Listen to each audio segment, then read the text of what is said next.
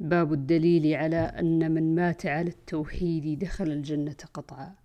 عن عثمان قال قال رسول الله صلى الله عليه وسلم من مات وهو يعلم أنه لا إله إلا الله دخل الجنة.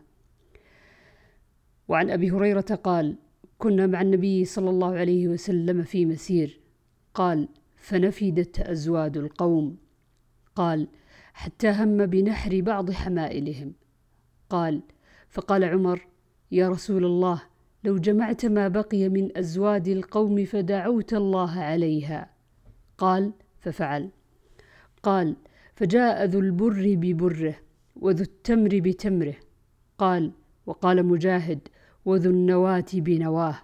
قلت وما كانوا يصنعون بالنواة؟ قال كانوا يمصونه ويشربون عليه الماء. قال فدعا عليها حتى ملأ القوم ازودتهم قال فقال عند ذلك أشهد أن لا إله إلا الله وأني رسول الله. لا يلقى الله بهما عبد غير شاك فيهما إلا دخل الجنة. عن أبي هريرة أو عن أبي سعيد شك الأعمش. قال لما كان يوم غزوة تبوك أصاب الناس مجاعة. قالوا يا رسول الله لو أذنت لنا فنحرنا نواضحنا فأكلنا وادهنا. فقال رسول الله صلى الله عليه وسلم افعلوا. قال فجاء عمر فقال يا رسول الله إن فعلت قل الظهر ولكن ادعهم بفضل أزوادهم ثم ادعوا الله لهم عليها بالبركة. لعل الله أن يجعل في ذلك. فقال رسول الله صلى الله عليه وسلم نعم.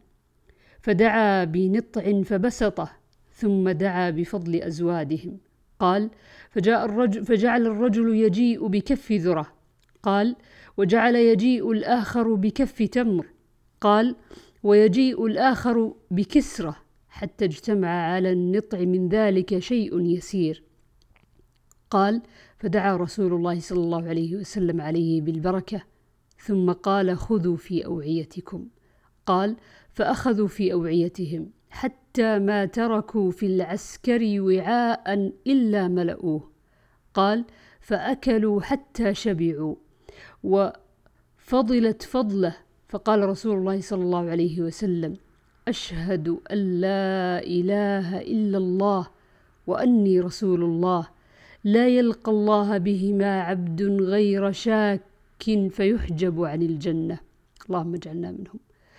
عن عبادة بن الصامت قال قال رسول الله صلى الله عليه وسلم من قال أشهد أن لا إله إلا الله وحده لا شريك له وأن محمدا عبده ورسوله وأن عيسى عبد الله وابن أمته وكلمته ألقاها إلى مريم وروح منه وأن الجنة حق وأن النار حق. أدخله الله من أي أبواب الجنة الثمانية شاء. اللهم اجعلنا منهم. وفي رواية أدخله الله على أدخله الله الجنة على ما كان من عمل. اللهم اجعلنا منهم.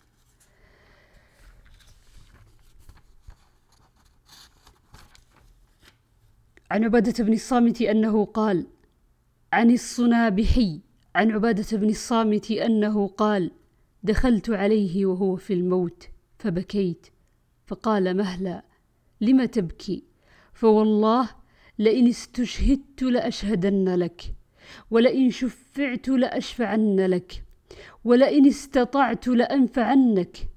ثم قال والله ما من حديث سمعته من رسول الله صلى الله عليه وسلم لكم فيه خير إلا حدثتكموه إلا حديثا واحدا وسوف أحدثكموه اليوم وقد أحيط بنفسي. سمعت رسول الله صلى الله عليه وسلم يقول من شهد أن لا إله إلا الله وأن محمد رسول الله حرم الله عليه النار. عن معاذ بن جبل قال كنت ردف النبي صلى الله عليه وسلم ليس بيني وبينه إلا مؤخرة الرحل. فقال يا معاذ بن جبل.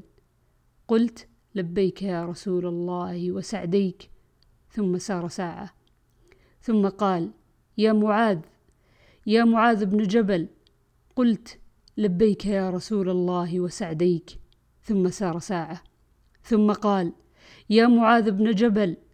قلت لبيك يا رسول الله وسعديك. قال هل تدري ما حق الله عز وجل على العباد؟ قال قلت الله ورسوله أعلم. قال فإن حق الله على العباد أن يعبدوه ولا يشركوا به شيئا. ثم سار ساعة. ثم قال يا معاذ بن جبل. قلت لبيك يا رسول الله وسعديك. قال هل تدري ما حق العباد على الله إذا فعلوا ذلك؟ قال قلت الله ورسوله أعلم. قال ألا يعذبهم. وعنه قال كنت ردف النبي صلى الله عليه وسلم على حمار يقال له عفير. قال فقال يا معاذ أتدري ما حق الله على العباد وما حق العباد على الله؟ قال قلت الله ورسوله أعلم. قال فإن حق الله على العباد أن يعبدوا الله ولا يشركوا به شيئا. وحق العباد على الله عز وجل ألا يعذب من لا يشرك بالله شيئا. قال قلت يا رسول الله أفلا أبشر الناس؟ قال لا تبشرهم فيتكلوا